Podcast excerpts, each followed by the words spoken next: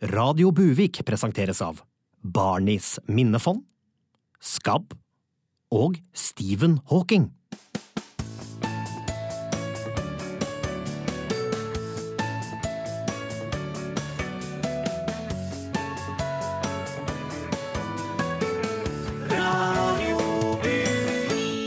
Hello, hello, and welcome to Radio Buvik. And with us today, we have the new president of the United States. Nei da, vi vet jo ikke hvem det blir enda, men nå nærmer det seg søren meg med stormskritt. Jeg gleder meg til tirsdag. Og hvem er jeg? Jo, jeg er Helledal, som igjen er klar for å gi deg nok en time med Radio Buvik. Lokalradioen for Norges minste storkommune. Og da heller jeg i kaffen, tar på meg brillene, for nå skal jeg gi deg en 360 graders oversikt fra sjølve buljongen tatt Norge, nemlig Buvik kommune. Jeg snakka jo litt om USA innledningsvis, men det er ikke bare over dammen det foregår store politiske hendelser. Og jeg tenker da på de harde kampene rundt dette statsbudsjettet. For denne uka så slapp Venstres nestleder Terje Breivik sin egen rockelåt Må noen gå. Og meninga med låta er, ifølge partiet Venstre, å gjøre statsbudsjettet mer tilgjengelig. Du kan jo høre sjøl på rockelåta, som nestlederen sier er en kortversjon av deres alternative statsbudsjett. Og jeg må minne dere på at dette her er et helt ekte klipp, det er ikke noe vi har funnet på. Siv og Erna,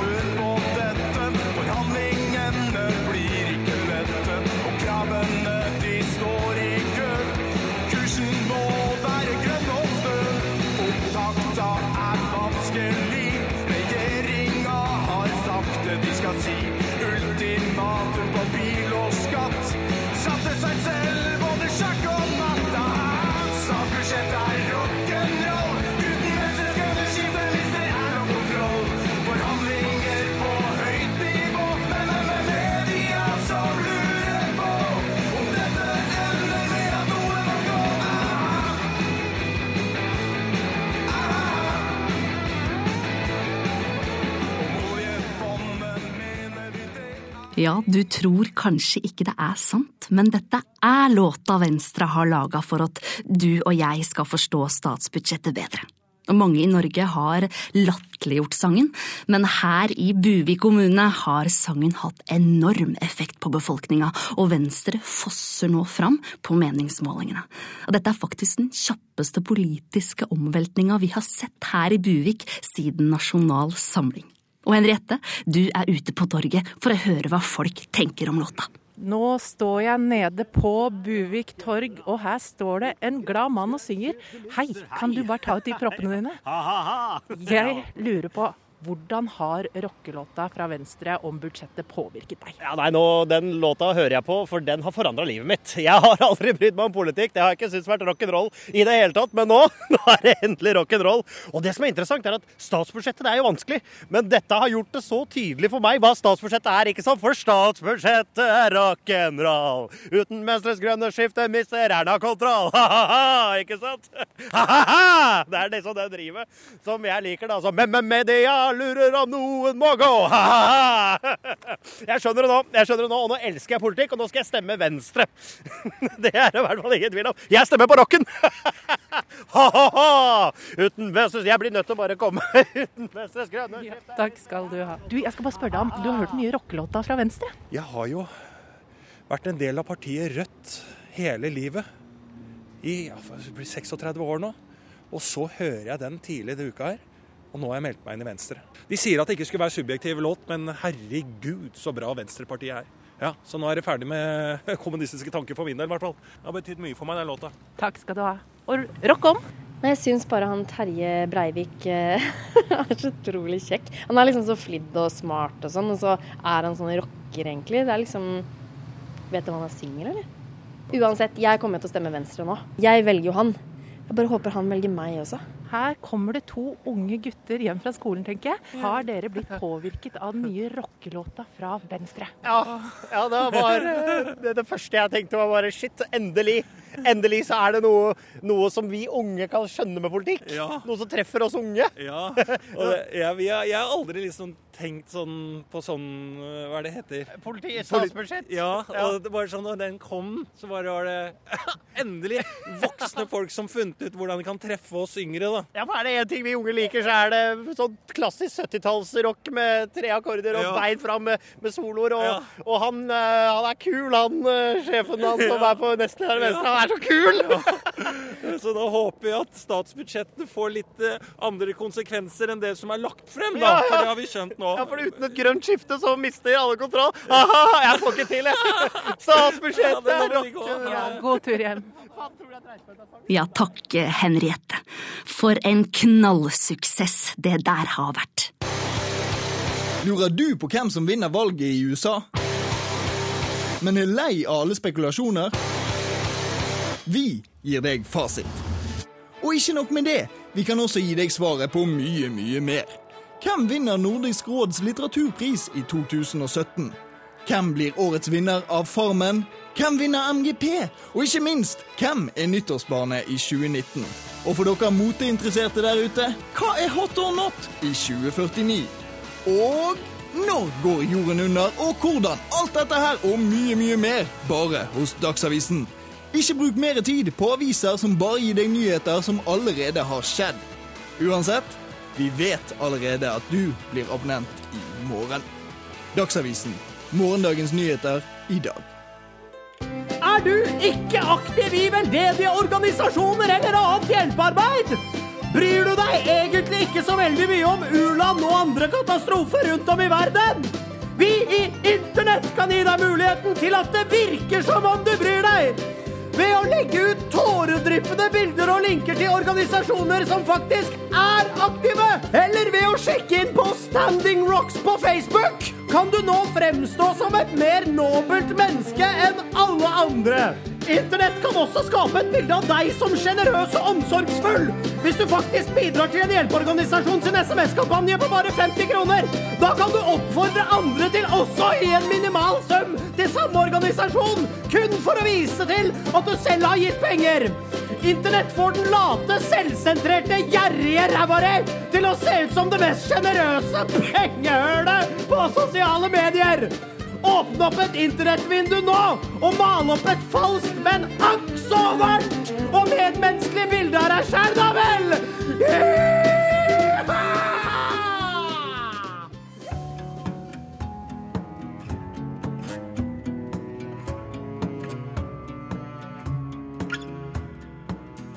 Du hører på Radio Buvik, og nå er det klart for nyhetene. Og Ida, har det blitt fred i verden? Helle, da.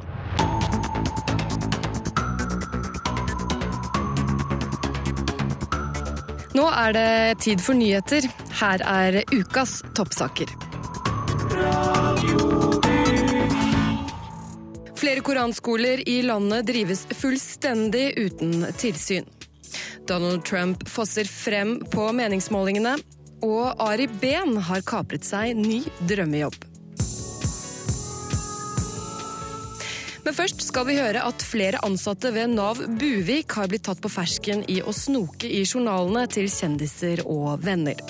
De ansatte ble umiddelbart avskjediget og mottar nå arbeidsledighetstrygd fra Nav. En utilsiktet bieffekt av avskjedigelsene var dessverre at arbeidsledigheten i kommunen steg med 3 for å få bukt med både snokingen og ledigheten har Nav Buvik bestemt seg for å opprette flere nye stillinger i form av en egen personvernombudsgruppe bestående av de avskjedigede ansatte, som skal passe på at ingen andre misbruker den sensitive informasjonen i journalene. Ingen er mer perfekt skikket for denne jobben enn nettopp de vi allerede hadde avskjediget for å snoke, sier Nav-direktør Kai Hauge. De vet hvordan snokere tenker, og nå blir deres oppgave å snoke i de ansattes snokinger, slik at snokeproblemet forsvinner en gang for alle. Mange bekymrer seg nå over at flere koranskoler i landet drives fullstendig uten tilsyn. Vi aner ikke hva de driver med her. For alt vi vet indoktrineres de, sier Peppe Dårflot, pressetalsmann ved Statlig bekymringskontor. Flere tar nå til orde for at de muslimske ungdommene må komme seg bort fra de organiserte undervisningsinstitusjonene og ut på gatene, der de kan bruke tiden på å danne store grupper med andre jevnaldrende, dyrke frem egne moralske rammeverk basert på æreskultur og gjengmentalitet, og så vandre formålsløst rundt og spørre forbipasserende 14-åringer om de kan få låne mobiltelefonen deres, mot at de lover å gi den tilbake på akkurat samme sted i morgen. Etter å ha satt seg ned på et eh, valgkamppodium i Iowa, tatt av seg buksene og fylt en bøtte med sin egen avføring foran en jublende folkemasse, gjorde Donald Trump nye byks på meningsmålingene denne uken. De samme meningsmålingene viser at Hillary Clinton har gått tilbake flere prosent da hun kom i skade for å ha på seg en rød leppestift som folkeopinionen mener ikke sømmer seg for en blivende president, og har krevd en uforbeholden unnskyldning. Clinton har senere beklaget feilskjæret sitt, noe som førte til at hun dalte ytterligere. En ekte president vil aldri la seg tvinge til å beklage seg på den måten, hevder opinionen. Og til sist en gladnyhet. Etter å ha mistet sin lukrative stilling som prinskemal, har nyskilte Ari Behn igjen kapret drømmejobben, skriver Se og Hør. Jobben går ut på å være vert for Se og Hørs kjendisgalla. Av alle drømmejobber i hele verden kan jeg ikke se for meg en mer drømmete drømmejobb enn denne, sier Se og Hørs redaktør Ellen Arnstad i et eksklusivt intervju med Se og Hør. Nyheten ble lansert i forbindelse med at Se og Hør gjorde Storeslem under Se og Hørs nyopprettede prisutdeling for fremragende journalistikk, der ukebladet stakk av med alle prisene, inkludert prisen for beste journalistiske integritet og beste trykksverte. Dette var Buvik Nytt. Jeg heter Ida Breed. Jeg fikk litt angst her om dagen da jeg leste at Stephen Hawking i et nytt intervju sier at grådighet og idioti kommer til å ta knekken på menneskeheten. Men den lokale sauebonden Geir Oddkalv ser veldig positivt på dette, så det håper jeg skal roe meg litt ned. Over til deg, reporter Leif. Jeg står her med lokale sauebonden Geir Oddkalv. Ja. Og du er jo faktisk letta over det Stephen Hawking sier. Ja, jeg er så letta, fordi endelig så, så viser det seg nå at nå skal grådighet og idioti ta knekken på ulv. Og da er sauene trygge, så nå du ser på Nord-Europas mest letta mann nå. Det er ikke ulvene han, han Er, har, jeg, har jeg blanda? Jeg tror dessverre du har blanda. Det er eh, menneskeheten er det nok det det skal være. Det er, er, Grådighet og idioti vil ta livet av uh, er det gråbein og idioti ja, som skal ta knekken på menneskeheten, ja? Nei, nei. Grådighet. Ta knekken på mennesker. Ja. Altså, så da er, er det mennesker eller ulv her som blir tatt knekken på? Eh, Ifølge Stephen Hawking så er det Stephen Hawking. Hvem er det? Er det han som har skrevet The Shining? Den grufulle boka om et hotell som, fikk, som gjorde sånn at jeg ikke bodde på hotell i 14 dager? For jeg blanda bok og virkelighet. Er det han? Nei, ikke Stephen King. Stephen Hawking. Stephen Hawking. Ja. Er, det, er det han Er det Gollum, det? Det er Gollum. Det er han som er Gollum. Nei, nei det Er fra Ringenes herre. Da kanskje jeg blanda de. Er det Gollum, eller er det Stephen Hawking som har sånn krøplete øgleutseende, veldig tynn, ekkel, stikkende øyne, våte lepper og rar stemme? Hvem av dem er det? Akkurat det er litt vanskelig å svare på. For, for Det kan være vanskelig å svare på. Ja, Ja. det Hvem av dem er det som er glad i ringer? Ja, det er Gollum. Det er Gollum. Ja. Ikke sant? Så da må jeg nå, for nå kommer Stephen King og skal lage hotell som dreper sau. Og så kommer Gollum og skal stjele ringer. Og Stephen Hawking skal drepe folk. Nei. nei. Har jeg blanda? Ja, altså, det, ja, du har blanda veldig mye. Men jeg er redd. Det er det som er poenget her nå. Så jeg Ja. skal bare gå og få inn sauene her nå. Ja. Og så skal jeg gå og gjemme smykkeskrinet til kona mi. For jeg orker ikke at han der eh, han med våte lepper i motorisert rullestol som kan jævlig mye om fysikk, skal komme hjem og stjele yndlingsringen og smelte den i peisen. Det, orker, det gidder jeg ikke. Ja, Nå blanda du nok litt igjen. Kanskje jeg blanda. Ja. Jeg tar bare og vasser over elva. Det går fortere å gå over her. Ja, jeg, Er det ulv, eller er det, er det ulv, eller er det hai som er i maritimt dyr? det er hai. Da går jeg rundt. Ja. Ja, Helle, jeg beklager dette. Jeg hadde håp om at vi kunne roe nervene dine, men eh, jeg tror ikke vi fikk all verdens ut av dette. Uff, Det hjalp ikke særlig mye. Vi får nå bare tenke positivt. Angst er blitt en god forretningsmodell, sier Lena Lindgren i Morgenbladet. Og ukentlig kan vi lese saker om folk som blir sjuke av ting som stress, ensomhet og forventningspress. Og det skjønner jeg godt. Jeg kjenner på angsten av og til sjøl. Nå viser det seg at alle er ramma av den samme uhelbredelige sjukdommen. Vår gravende journalist har mer. Altså Her snakker vi om en sykdom som er farligere enn røyking og lettbrus til sammen. Som tar livet av mange tusen årlig, og da snakker jeg bare om Norge. I verden så er det snakk om millioner av dødsfall i året. Kommunelege i Buvik, Georg Sandvik, er svært bekymret. Over hele landet rapporteres det om stadig flere tilfeller av en ny livsfarlig sykdom. Altså, Jeg ser symptomene hver eneste dag. Folk som kommer inn med symptomer som dårlig dag, ensom, lei seg, tristhet, dårlig samvittighet, utilstrekkelighet, tidsklemme, prestasjonsangst, trøtthet, dårlig selvfølelse, venninnedilemma, dårlig ekteskap, sinte barn, stress, Den meget plagsomme sykdommen som hvert eneste år gir millioner av mennesker følelsesmessig ubehag, har den medisinske betegnelsen livet. Livet er faktisk en av de vanligste sykdommene vi har. Og den kan gi deg stadig nye former for ubehag fra du er liten av. Nå har Sandvik bestemt seg for å være ærlig med pasientene sine. Radio Buvik får være med på en legetime.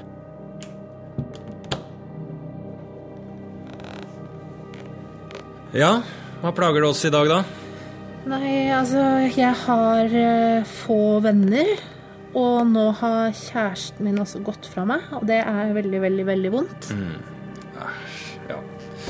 Jeg beklager at du må få vite det på denne måten eh, her, altså, men eh, det kan virke som du lider av livet. Nei. Nei. Nei. Nei. Men nå, ta, ta det helt Ta det helt med ro. Altså, dette er det, Du, dette er hvordan er det jeg har fått det? Du, dette her er en arvelig sykdom, og mest sannsynlig så har du fått den ved at foreldrene dine hadde ubeskytta sex for litt over da, si 26 år siden. Ja, slapp helt av. Jeg vet det er tungt Nok å høre. en pasient får den tunge beskjeden. Livet er en av de mest utbredte seksuelt overførbare sykdommene vi kjenner til. Og flere leger oppfordrer nå alle til å bruke kondom alltid for å unngå at flere blir smittet.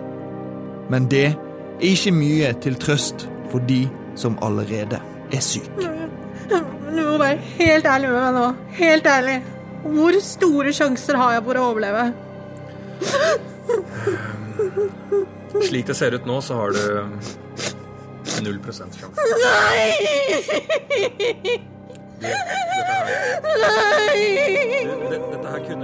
Selv om det ennå ikke eksisterer en kur for sykdommen livet, så har leger over hele landet lenge benyttet seg av en eksperimentell behandlingsform. Vi benytter oss av noe vi kaller palliativ behandling, som handler om å redusere og lindre symptomene til livet, framfor det å finne opp en ny kur. Eh, Dette gjør vi på alle aldersgrupper, fra barneskolebarn til voksne. Og det fungerer på ett vis, selv om det alltid er en risiko for at pasienten blir følelseslammet fra livet og ut. Til slutt har vi i Radio Buvik bare én oppfordring til våre kjære lyttere. Dere som vil forhindre denne sykdommen fra å spre seg. Bruk kondom. Buvik lokal-TV har i en årrekke vært kjent for sine nyhetssendinger som omhandler det lokale, nasjonale og til og med det internasjonale nyhetsbildet. Dette er nå historie, da Buvik lokal-TV nå legger ned sin egen nyhetsdekning. Hva er årsaken til dette, Christian Eng, sjef for Buvik lokal-TV? Ja, altså, eh, Folk eh, orker rett og slett ikke å se nyheter lenger. Derfor har vi bestemt å legge ned hele, driten, altså, ja, hele nyhetsdekninga, rett og slett. For, er det mulig, er det noe sted jeg kan legge prellen her? Eh, Mm, ja, takk skal du ha. Kjører, kjører røyking, ja. Ja, jeg liker det, liker det. Men, men du, du sier altså orker ikke mer nyheter. Men i, i den tiden eh, verden er inne i nå, så skulle en jo tro at vi virkelig hadde behov for nyhetsdekning. Ja, men altså, det går utover helsa til folk. Eh, altså, det er så mye farlige nyheter, skremmende ting som skjer i verden nå, at folk her i Buvik blir psykisk syke. Altså, Antall sykemeldte i Buvik har aldri vært høyere, og det kan nå dokumenteres en tydelig sammenheng mellom inntak av nyheter og psykisk lidelse her i Buvik. Derfor er det på tide å legge ned hele dritten. Nei, hele nyhetssendinga. Ja. Mm, Jeg skjønner, jeg skjønner. Men, men hva er det dere skal sende da, i stedet for nyheter? Du, Vi har lagd eh, et heldagsprogram hvor vi har en gjeng fotballinteresserte gutter som skal sitte og snakke om andre programmer hvor fotballinteresserte gutter sitter og snakker om fotball. Et, et heldagsprogram, sier du? Ja, ja. Buvik lokal-TV kommer nå til å sende fotballsnakk hele dagen, hver dag. Det er det folket vil ha! Det er ganske unikt, for uansett hvor jævlig liga vi snakker om, så er folk interesserte. Så dette skal altså være en guttegjeng som snakker om andre programmer hvor guttegjenger sitter og snakker om fotball? Ja, stemmer. Altså, Ja. Vi har jo ingen rettigheter til å vise fotball. Altså, Vi har mindre rettigheter enn de andre programmene som har lagd fotballprogram uten å ha rettigheter. Men det bryr ikke folk seg om i det hele tatt, så det er bare å eh, slappe helt av med. Vi har allerede funnet en guttegjeng eh, som vil snakke fotball. Det finnes mange andre programmer hvor guttegjengen snakker fotball. Det er det vi trenger. Og en tidligere tippeligaspiller da, som må være med i gjengen eh, som snakker om andre gjenger som snakker om fotball. Ja. Mm. Det blir mye fotball. Ja, vi i Buvik lokal-TV er ferdig med å lære opp befolkninga. Vi skal gi befolkninga det de ønsker. Og det er fotball. Det stemmer. Ja, ikke sant? ja, det er bra dere tar grep. Og her sitter vi og snakker om programmer hvor dere skal snakke om andre programmer som snakker om fotball. Ja, det, er, det, er faen, det er faen meg genialt! Det der mener jeg, det der er podkastpotensialet! Ja, det er kanskje det der skal jeg notere, altså. Det, det, det her er dritbra! Ja, det er kult, Christian. Faen, altså. Du, tusen takk for at du kom, Christian Eng, sjef i Buvik lokal-TV. Sjalabais. Kunne jeg eh, fått sendt Askeberger, så kan jeg ta med den snusen. Jeg bare la den litt i tørr. Tør å slutte. Ja, takk skal du ha. Sett den der borte litt, så blir jeg ikke frista. Da er den inne igjen. Takk skal du ha. Hei, hei.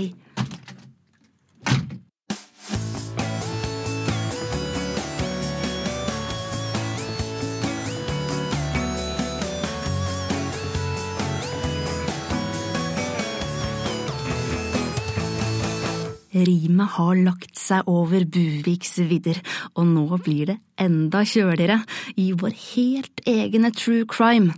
Har du dårlige erfaringer med begravelser, blir dette neppe noen opptur, men har du gode erfaringer med uoppløste drap, da blir dette en opptur, vet du. Det eneste er at jeg begynner å bli litt bekymra for Tor Magnus. Jeg gjør det, men, det er jo tross alt en fryktelig komplisert gåte å nøste opp i. Nei, folkens, la oss høre på Sporløst. Jeg heter Tor Magnus Hammeren, og dette er episode sju av Sporløst. I dag har jeg satt sammen en begravelsesmiks for å vise nøyaktig hvordan denne ene saken påvirka en bygd og et land. I den enes skjebne ligger de alles skjebne, pleier de å si. Eller jeg pleier i hvert fall å si det. For i denne podden har jeg prata med alle de som sto Lene nærmest. Men åssen var det dem opplevde begravelsen? Kunne det være noe spor å hente her? Jeg måtte igjen snakke med Martin, Lenes forlovede. Han har vært kontinuerlig rysta i 24 år. Nei, det var jo helt uh, forferdelig. Jeg er ute ved Vik kirke med Martin, og han kniper øya igjen når han prater. Det var jo så fint her ute hvor sola skinte, men inne var det mørkt og kaldt. Jeg skjønner kirka sliter med medlemsflukt, men eh, det må da være mulig å ordne noe oppvarming. Men presten, hun var varm. Glovarm. Jeg har fått tak i opptaka fra begravelsen fra en lokal lydentusiast som gikk rundt med opptaker 724.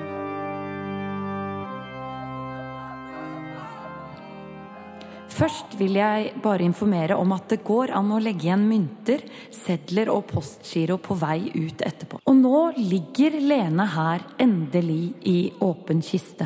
Dette er et lik det stinker av. Og stankens rette far er fortsatt på frifot. Så selv om vi har medias søkelys på oss her i Vik, må vi vise at vi står sterke sammen. Med Lene i våre tanker. Og du der ute, du skal vite at fra Guds åsyn kan du aldri rømme. ikke kesam. Det kommer senere. Det hele er forferdelig trist. Overalt sitter hulkende mennesker i ei kirke like full av snørr og tårer som ei barnehage. Venner alene, familie, de tidligere mistenkte, ja, nesten hele bygda, men sitter drapsmannen der blant dem? Ja, jeg må jo si eh, det var en ekkel følelse. Det å tenke på at den som drepte Lene, faktisk kunne sitte der blant oss. Det la jo en ekstra demper på hele stemningen. Begravelser er jo dempa greier, og jeg husker jeg satt helt musestille da min egen bestemor skulle legges i jorda, helt til han idiotonkelen min ramla på kista, da. Alltid er det noen som må ødelegge, men det er en historie til en annen pod. Men det var ikke noen som gjorde noe særlig ut av seg i den begravelsen? Nei, Eh, eller jo, nå holdt jeg jo på å glemme Terje. Terje er lensmann i Buvik, og det burde du strengt talt ha fått med deg nå. Han satt noe i halsen tre ganger og lagde slike merkelige harkelyder. Sånn.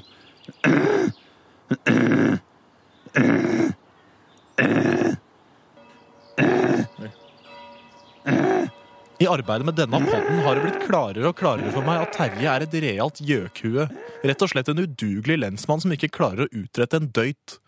Og hva er den klarer å sette i halsen under en begravelse? Personlig slenger jeg alltid i meg en scone fra Espresso House på Buvikløkka før jeg drar på meg den store sorte og turer inn i kirka i dystert lag. Det er ikke så vanskelig, det. Nei, jeg må si jeg er i ferd med å gi opp dere. Jeg har lyst til å sette i revers og rygge på styggen. Men dette gjør jeg jo for dere. Hvem kverka alene? Jeg tenker på gulroten, Scoop-prisen i enden av den mørke tunnelen. Jeg elsker jo statsmakta, og særlig den fjerde. Lov meg at dere ikke er for redde i natt, da, så lover jeg å komme til bunns i saka. Peace out, Buvik. Vi hørs.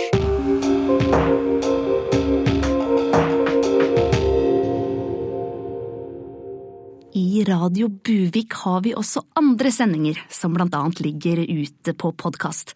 Og jeg har fått pusha frem at vi kan få gi dere lyttere et lite innblikk fra min favorittpodkast. Her er et utdrag fra Kvinne er å vinne, med K. Kvinne er å vinne med K. Hei og velkommen til meg, Siri Falk. Dette er en podkast for flinke kvinner, av flinke kvinner, med flinke kvinner, til flinke kvinner. Og i dag har jeg invitert den flinkeste kvinnen jeg vet om, i hvert fall. Min gode, flinke, ressurssterke venninne Cecilie Stabel. Tusen takk for at jeg får være her. Utrolig gøy å få komme til flinke, fine deg. Å, takk, Fina. Men du, jeg har jo ved siden av at jeg syns du er så flink, invitert deg her til meg. For du har vært så flink at du har laget noe helt selv. Og hva er det? Du, nå er jeg i gang med en podkast som handler om kvinner, og det pågangsmotet som vi kvinner har. Det er litt som din podkast. Ja ja, men du har jo laget din helt egen, og det er jo kjempeimponerende. Men lager du den alene? Nei, vet du, jeg lager den med min aller beste venninne, som jeg har kjent hele livet. Og hun er veldig flink. Å, så kult. Men hva kan vi høre på denne podkasten, Cecilie? I første episode så tar vi opp noe som alle vi flinke jenter kan kjenne oss igjen i. Nemlig når kan man bæsje i samme leilighet som kjæresten sin? Det er akkurat det er så flaut! Ja, jeg vet det. Å, herregud, det er så utrolig bra at du tar det opp. Ja, For det er noe liksom alle jenter kjenner seg igjen i. Ja, Og det er så utrolig bra at dere smarte, oppegående damer tar opp akkurat dette. Enig. Jeg må bare spørre, jeg, da. Er det noen uker, eller er det tre måneder? Du, vi har konkludert med ett år. år, og det er litt eh, det vi har lyst til å snakke om i podkasten. Mm. Hvor vanskelig det er å være dame. Ikke sant? I et samfunn der menn hele tiden bare gjør som de vil, mens vi hele tiden må sette regler på oss sjæl. Åh, Det er så bra at dere snakker om det. Jeg er så enig. Er det noen andre ting dere også tar opp i podkasten? Nei, altså vi tar opp uh, Hva har du i veska di? da prater vi litt om ting man bare må ha i veska. Takk og lov for at dere tar opp Mm. dette. Ikke sant? Jeg vet at det er tusen millioner jenter der ute som bare tenker sånn Hva må jeg ha i veska når jeg skal ut av døra? Og det er så deilig at noen kan snakke litt om hva ressurssterke damer bare må ha i veska. Det er så bra! Jeg vet det. Nei, takk, altså. Mm. Eh, Jeg vet jo at du har snakket om det forrige uke i din podkast. Men det var så utrolig inspirerende. Du er så flink. Herregud, så hyggelig! Nei, men jeg mener det. Du også er helt sinnssykt flink. Men Du, ja, da må jeg bare spørre. Det er litt vanskelig å spørre om det her, men jeg må bare spørre. har du noen gang vært sjalu på meg? Um, ja, jeg har ofte tenkt at det du gjør, um, det kan jo jeg også få til. Slutt, da! Men jeg mener, jeg mener det er helt Ja, men sant. du gjør det jo så bra i din podkast. Du gjør jo akkurat det samme som meg.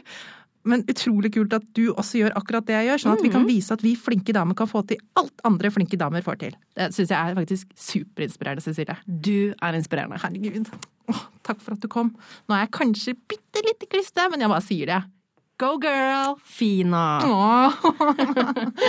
Tusen takk for at jeg fikk komme. Åh, takk for at du er her.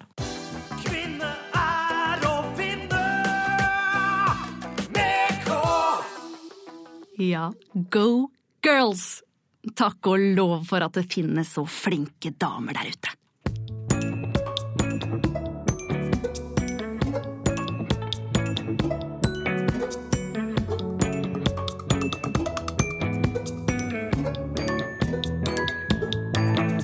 Har du lyst til å bo et sted hvor folk passer sine egne saker? Har du lyst til å bo på en plass fri for sladrespeil, nabokjerringer og vaktbikkjer? Da er Tysfjord kommune stedet for deg. Vi i Tysfjord garanterer at du får drive med akkurat det du vil, og ingen av oss skal sladre. For det som skjer i Tysfjord, det blir i Tysfjord. Så hva venter du på? Prioriter ditt privatliv i dag. For vi i Tysfjord, vi sier bare én ting, og det er Snart finner vi ut om det blir Trump eller Clinton. Radio Buviks USA-korrespondent Embla Tronsen, som for tida befinner seg i New York med noen kompiser for en oval weekend med kos og hygg og kanskje en basketballkamp, har tatt temperaturen på stemninga hos det amerikanske folk. Ja, jeg befinner meg nå midt på Times Square, et slags Amerikas svar på f.eks. Egertorget i Oslo, Torgallmenningen i Bergen eller vår egen Buviksrundkjøringen hjemme i Buvik. Her myldrer det av mennesker i alle farger og fasonger. På mange måter er jo Amerika en slags gigantisk smeltedigel. Men én ting har de felles, de er lei nå. Lei av Donald Trumps mange eskapader. Sirkuset har vart lenge nok. Når de går til urnene på tirsdag, vil de endelig få sagt hva de mener om Donald Trump. Excuse me, uh, hello, excuse me. Uh, hey, I'm from uh, Radio Buvik in Norway. How's it uh, going? Uh, no, I'm fine. Yeah, how about Donald Trump, huh? Weird guy. Yeah, I suppose. Yeah, what's the weirdest thing about Donald Trump, do you think? I don't know.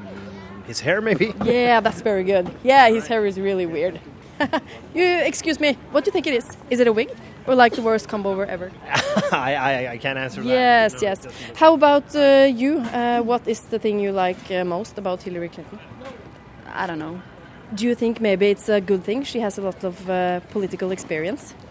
Sure. Because she has a lot more experience than Trump, you know. Okay. Her hører vi altså at de amerikanske velgerne er sjokkert over hvordan Trump framstår utad, og har full tillit til en så erfaren politiker som Clinton. What uh, are you going to vote in the election, Clinton or Trump? I cannot vote. I am from uh, Spain. Okay, but if you could. Uh, maybe Hillary Clinton. Yes, that's very good. Yes, yeah. Ja, for det er ikke bare jeg som er bekymret for hva en som Trump vil kunne gjøre om han får tilgang til kodene til atomrakettene. Du trenger ikke å være en burger- og baseball-elskende amerikaner for å engasjere deg i dette valget, for resultatet her vil angå hele kloden. So, excuse me, lady with the funny hair, what kind of president do you think Trump will be if he wins? Well, I mean, I think maybe he's going to make some bad choices, but hopefully he's going to. Yes, uh, because he does seem like a really angry, arrogant uh, guy, right? Who's always convinced he's right, right? Don't you think, right? Yeah, but um, he also has. And he's always interrupting women and treats them with no respect at all, right? Yeah, but. Uh, I think you're right. He almost seems insane sometimes, like he's a psychopath, uh, you know? You think he's a psychopath? That's really not uh, for me to say, but there's something going on there. Yeah, definitely. That's very good. Something going on. That's great. Vi hører altså at en gjengse amerikaner både fra USA selv og fra Spania er bekymret. Bekymret for hva som vil skje, og bekymret for at andre i landet ikke ser det de ser. Nemlig at det som muligens kan bli Amerikas neste president, egentlig er en ravende psykopat. Psychopath. That's very good. Couldn't have said it better myself. Embla Tronsen for Radio Buvik i New York. Her i Buvik har vi en lokal visesanger som kaller seg Åsen. Og hver uke lager Åsen en ny sang til vårs i Radio Buvik, og denne gangen har han vært i hovedstaden Oslo. La oss høre på hans nye sang. Åsen her, jeg tar meg en liten tur til byen. Åsen her, oppe i Oslo by. Åsen her, jeg tar meg en liten tur til byen. Åsen her, oppe i Oslo by. Slå meg ned på en restaurant da diskutere Russland. Jeg syns det er skummelt. Jeg har så 330 amerikanske soldater plassert på Værnes, og nå sier Putin jammen meg at vi er erklært enemies. Nei, det er skummelt, altså. Det må jeg bare si. De knuser oss lett som bare det, hvis det er det de vil. Eh, her er det en bikkje som går rundt uten bånd. Hva syns du om det? Er det greit? Jeg vet ikke, jeg er litt usikker. Jeg vet ikke, jeg er litt usikker. Jeg vet ikke, jeg er litt usikker. Jeg syns den burde hatt bånd, altså. Jeg har aldri vært noe glad i bikkjer. Hunder uten bånd. Jeg har aldri vært noe glad i bikkjer.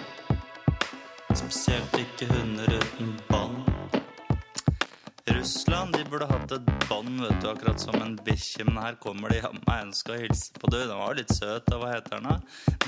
Barney? Var morsomt navn, da. Her kommer det jammen en annen nå. Skal jeg hilse på der, da? Nei, men dægeren, hva er det som skjer nå? Ta så noen, noen ta, Få stoppa den der bikkja der. Nå spruter det blod ut av øra her.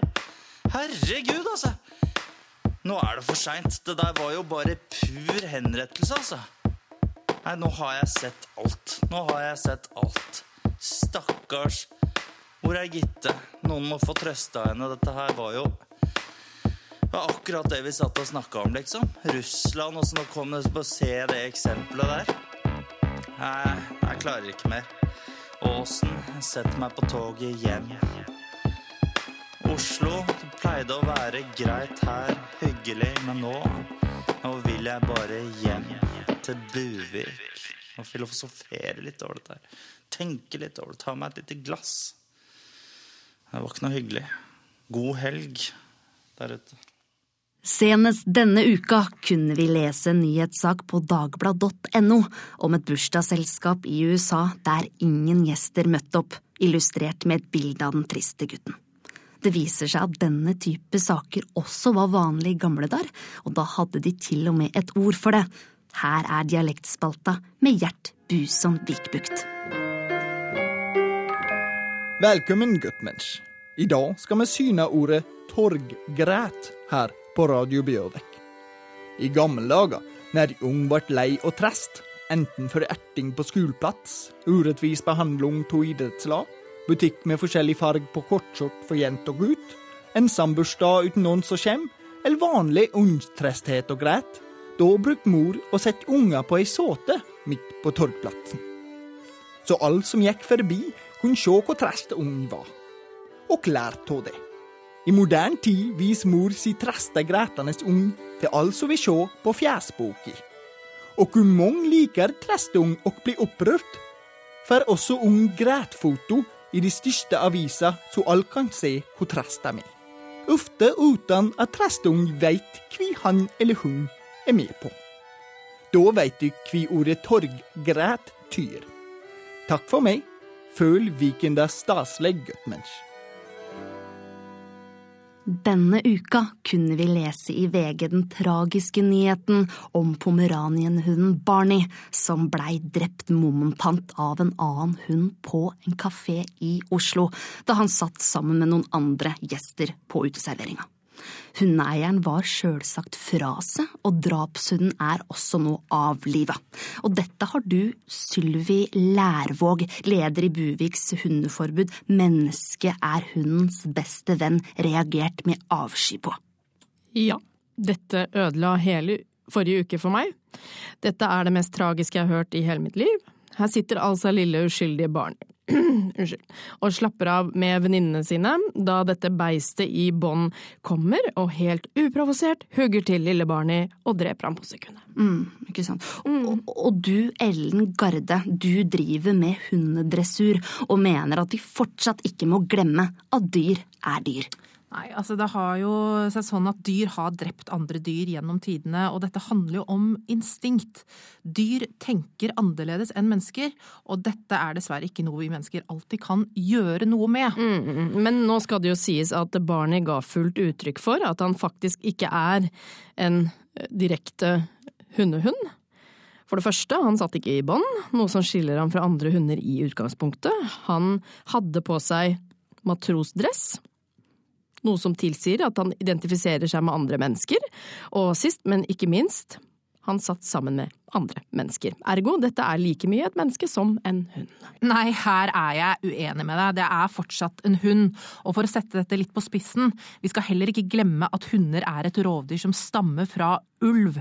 Og selv om hunden bor sammen med mennesker, så er det fortsatt et dyr. Da kan jeg bare kontre med å si Når sist satt det en ulv på fortauskanten i matrosdress og spiste ostekake? Nei, det er selvfølgelig et sjeldent syn. Mm. Men jeg kan være enig i at Barney hadde et litt flåsete blikk i fjeset sitt som kan virke bitte litt provoserende. Men jeg ser ingen grunn til at det er nok årsak til å drepe guttungen. Og det er jo grusomt at noen har lært opp bikkja si til noe sånt. Nei, nå er det vel ikke nødvendigvis noe denne hunden har blitt lært opp til. Drap og basketak er en kjent sak i hundeverden. Det forekommer hele tiden. Mm. Men Sølvi, hva mener du man skal gjøre da? Mm. Hunder må i hvert fall ha ti års skolegang. Eh, Prat med de i hverdagen, hvis du ser at de ikke har det bra. Ha det gøy.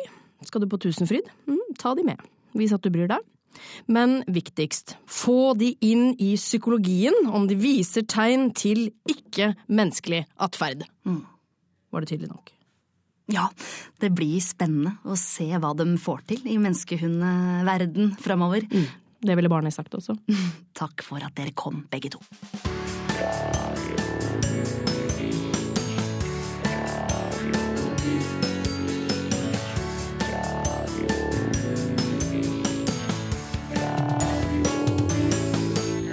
Artistene Bruno Mars og Mark Ronson har blitt saksøkt for at deres monsterhit Uptown Funk er plagiat av en eldre funklåt av gruppa Collage. Og dette er faktisk ikke første gangen de blir saksøkt.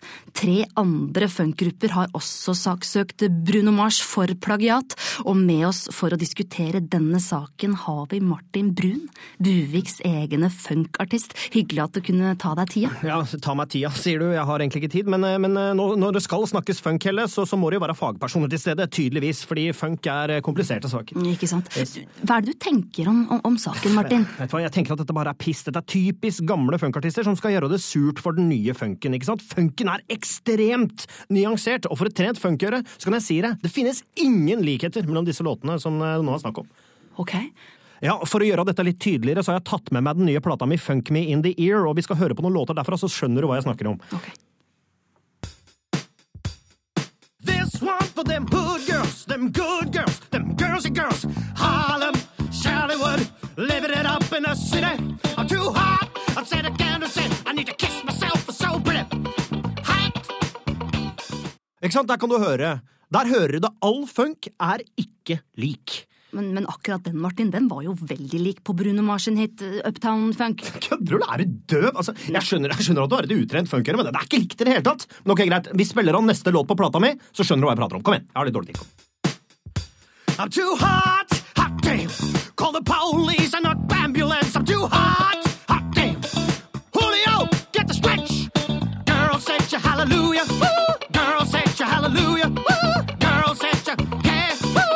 Up, down, funk, go give it to you. Saturday night and we're in the south. Don't believe me, just watch. Get out. Hva sier du nå, kjære programleder? Nå får vel blåserekka en annen lyd, som vi sier på funk. Var dette en annen låt fra albumet ditt, eller spilte du den samme låten to ganger? Altså, hører du, du hører ikke forskjell. Altså, herregud, dette her er å preke for døve ører. Altså, vet du hva? La meg nå gi et siste forsøk, og hører du ikke forskjell på dette her nå, så, så, så gir jeg meg enda over. Altså, her kommer siste låta på albumet, og denne her, den er revolusjonerende, altså, for funk. Dette er en revolusjonerende låt, så her er det viktig at du får med deg nyansen, altså.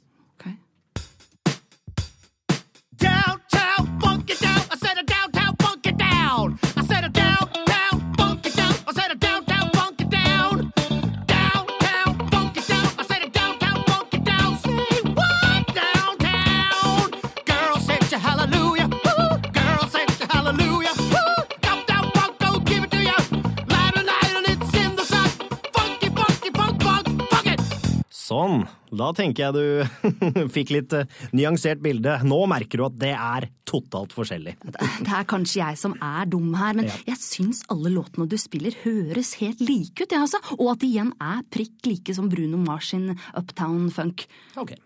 Ja, nei, men da, da har vel den nye funkeksperten i Buvik talt, da. Helle Dahl. Nye funkeksperten er greit, det. Du og advokaten min, greit, dere har helt rett. All funk er lik. Ingen, vet du hva, det fins ingen nyanser. Alt er, alt er blåkopi av Bruno Mars og Mark Ronson. Ikke sant, men det er akkurat det jeg også tenker. At det er eh, likt. Ja, kjempebra. Ja, nei, men da er vi enige, da. Ja. Da er vi enige. Vi noe, da, da er jeg ferdig som funkekspert, jeg, da. Nei. Jo, jo, jo. Nei, Martin, Jo, ærlig talt. All funk er jo lik, så da er det jo greit. Så da går jeg i det. Vet du hva, jeg blir nødt til å gå. Jeg sa jo det, jeg har litt dårlig tid. men ikke vær sånn, Martin. Ja, vet du hva, da skal jeg sette meg i den vitneboksen foran advokatene til Mark Ronson og Bruno Mars, skal jeg si yes, jeg har blåkopiert. Vet du hva, Helledal sier det. Det er ikke nyanser i funk. funk. Martin, det var det ikke sånn Nei da, det fins ingen nyanser i funk. All funk er lik. Takk for meg. Svarte faen! Litt misforståelser der, men det var altså Martin Brun, eh, funkekspert.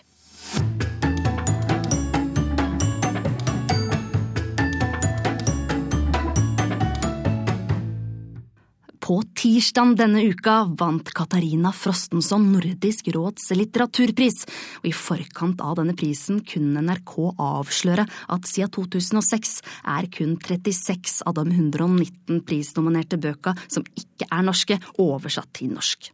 Nestleder i Kritikerlaget og litteraturanmelder i VG, Sindre Hovdenak, mener forlagene ikke tar sjansen på å oversette bøker basert på kvalitet, og at de vil være sikre på at det er økonomisk grunnlag for å gjøre det.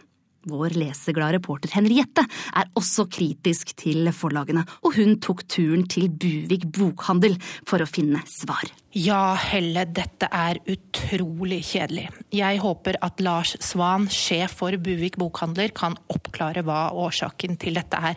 Og Lars, hva synes dere om at bøker som vinner f.eks. Nordisk råds litteraturpris, ikke blir oversatt? Nei, jeg bryr meg ikke så mye om det, egentlig. Nei, for dette er jo store verk, og det er jo viktig at slike verk blir oversatt, er det ikke det? Nei, jeg tror ikke folket bryr seg så mye om det. altså. Der skal ikke jeg klandre forlaget, altså. Nei, det er kanskje ikke slike bøker dere selger mest av? Nei, overhodet ikke. Akkurat nå vil folket ha forbildet av Sofie Elise, norske ølboka og biografien 'Mesteren Mourinho'. Ikke sant. Det er jo litt trist at det norske folk ikke ønsker seg kvalitetslitteratur. Ja, hva, hva mener du med det?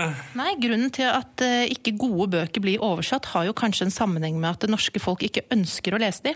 Ja, det, ja, det stemmer jo selvfølgelig. Altså, etter at vi bytta ut eh, de japanske romanene til Haruki Murakame til oversatte eksemplarer, stoppa salget helt brått. Hva? Det er, så, det er som du sier, det norske folk ønsker ikke ting oversatt. Dostojevskij sin forbrytelse og straff solgte jo som bare hakka møkk helt til den ble oversatt. Folk vil lese bøker på forfatterens språk. Det stemmer, det. Ja, men Dette er jo helt fantastisk. Så det norske folk er ikke uinteresserte og overfladiske. Snarere tvert imot, mener du? Ja, Det er dine ord, altså. Men det er jo ganske naturlig at folk ikke er interessert i å lese for eksempel da Haruki Murakami på norsk. Det han ble kjent for, var jo å revolusjonere det japanske språket. Det forsvinner jo litt når du skal lese det på norsk. Det er litt som, som en japaner skulle greid å se hva artisten Ravi gjorde med det norske språk hvis sangen hans var oversatt til japansk. Det er jo helt umulig. Ja, Så det norske folk ønsker faktisk å lese f.eks. bøker som vinner Nordisk råds litteraturpris? Ja, det er ikke noe grunn til det. Altså, Gøran uh, Sonnevi vant jo Nordisk råds litteraturpris for diktsamlingen 'Oseanen'. Men det er jo ingen som vil lese det på norsk. Vi er jo ikke idioter. er? Altså, vi, vi forstår jo svensk. er det dette folk eh, klager på? Ja, det er jo det, men dette var jo kjempepositive nyheter. Folk flest leser dyp litteratur. Nei, nei, altså folk flest leser forbildet av Sofie Elise, men de få gærningene som er interessert i å lese de nitriste, kjedelige bøkene som vinner Nordisk råds litteraturpris, vil helst lese på det språket forfatteren skriver. Ja, ok. Du, tilbake til deg, Helle. Ja, jeg venter som regel til filmen kommer, jeg. De beste bøkene blir jo som regel til film. Og Løvekvinnen, for eksempel, den går jo på kino nå, så slapp jeg å lese den.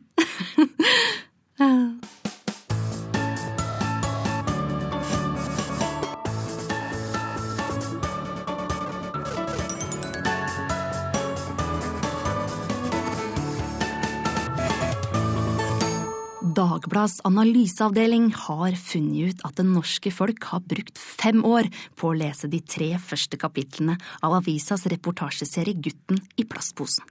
Sammen med NRKs Isdalskvinnen har dette satt deg på sporet av en ny type journalistikk, og Olvar Berge. Ja, eh, dette er jo fremtiden, ikke sant? Dette er en motsats til moderne klikkjournalistikk.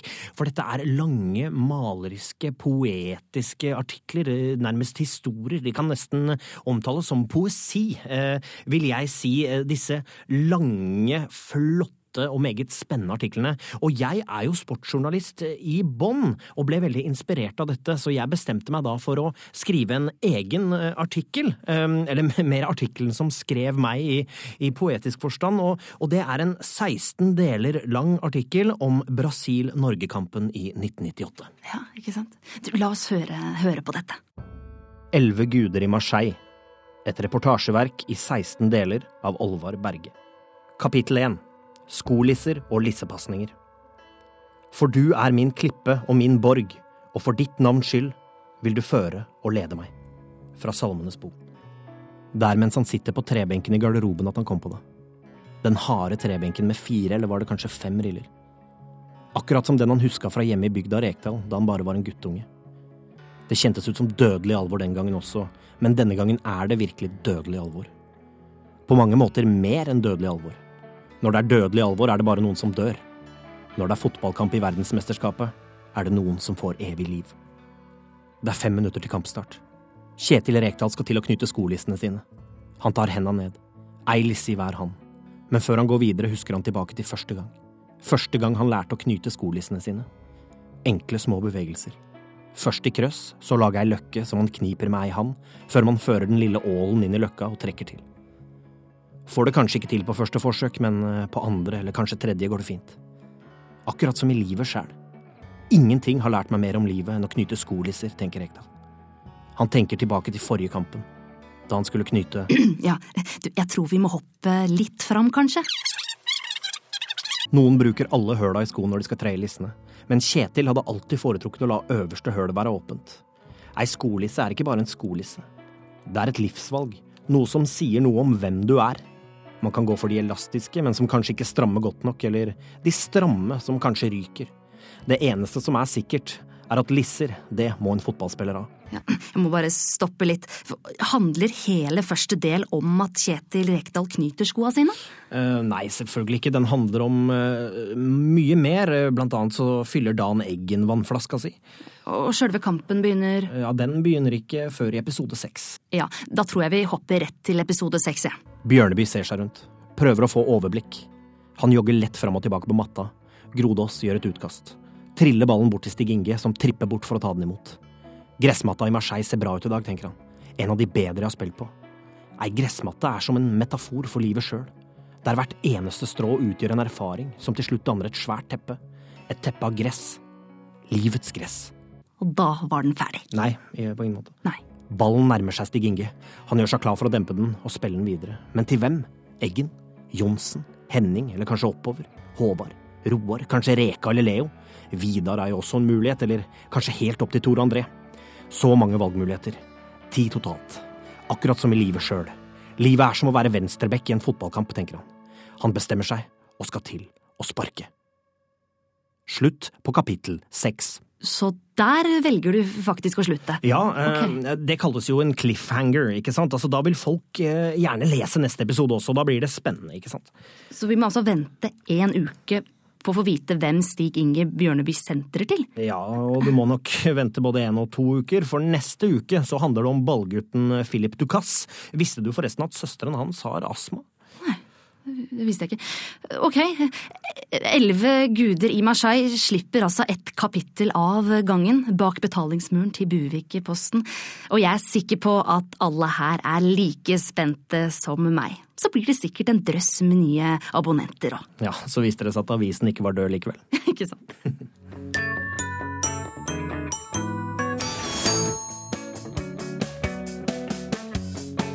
En time har gått, og vi er en time nærmere jul.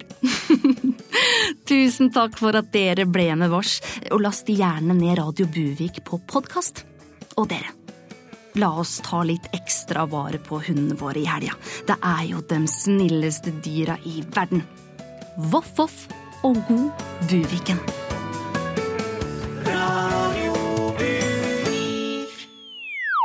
Produsert av Rubicon Radio.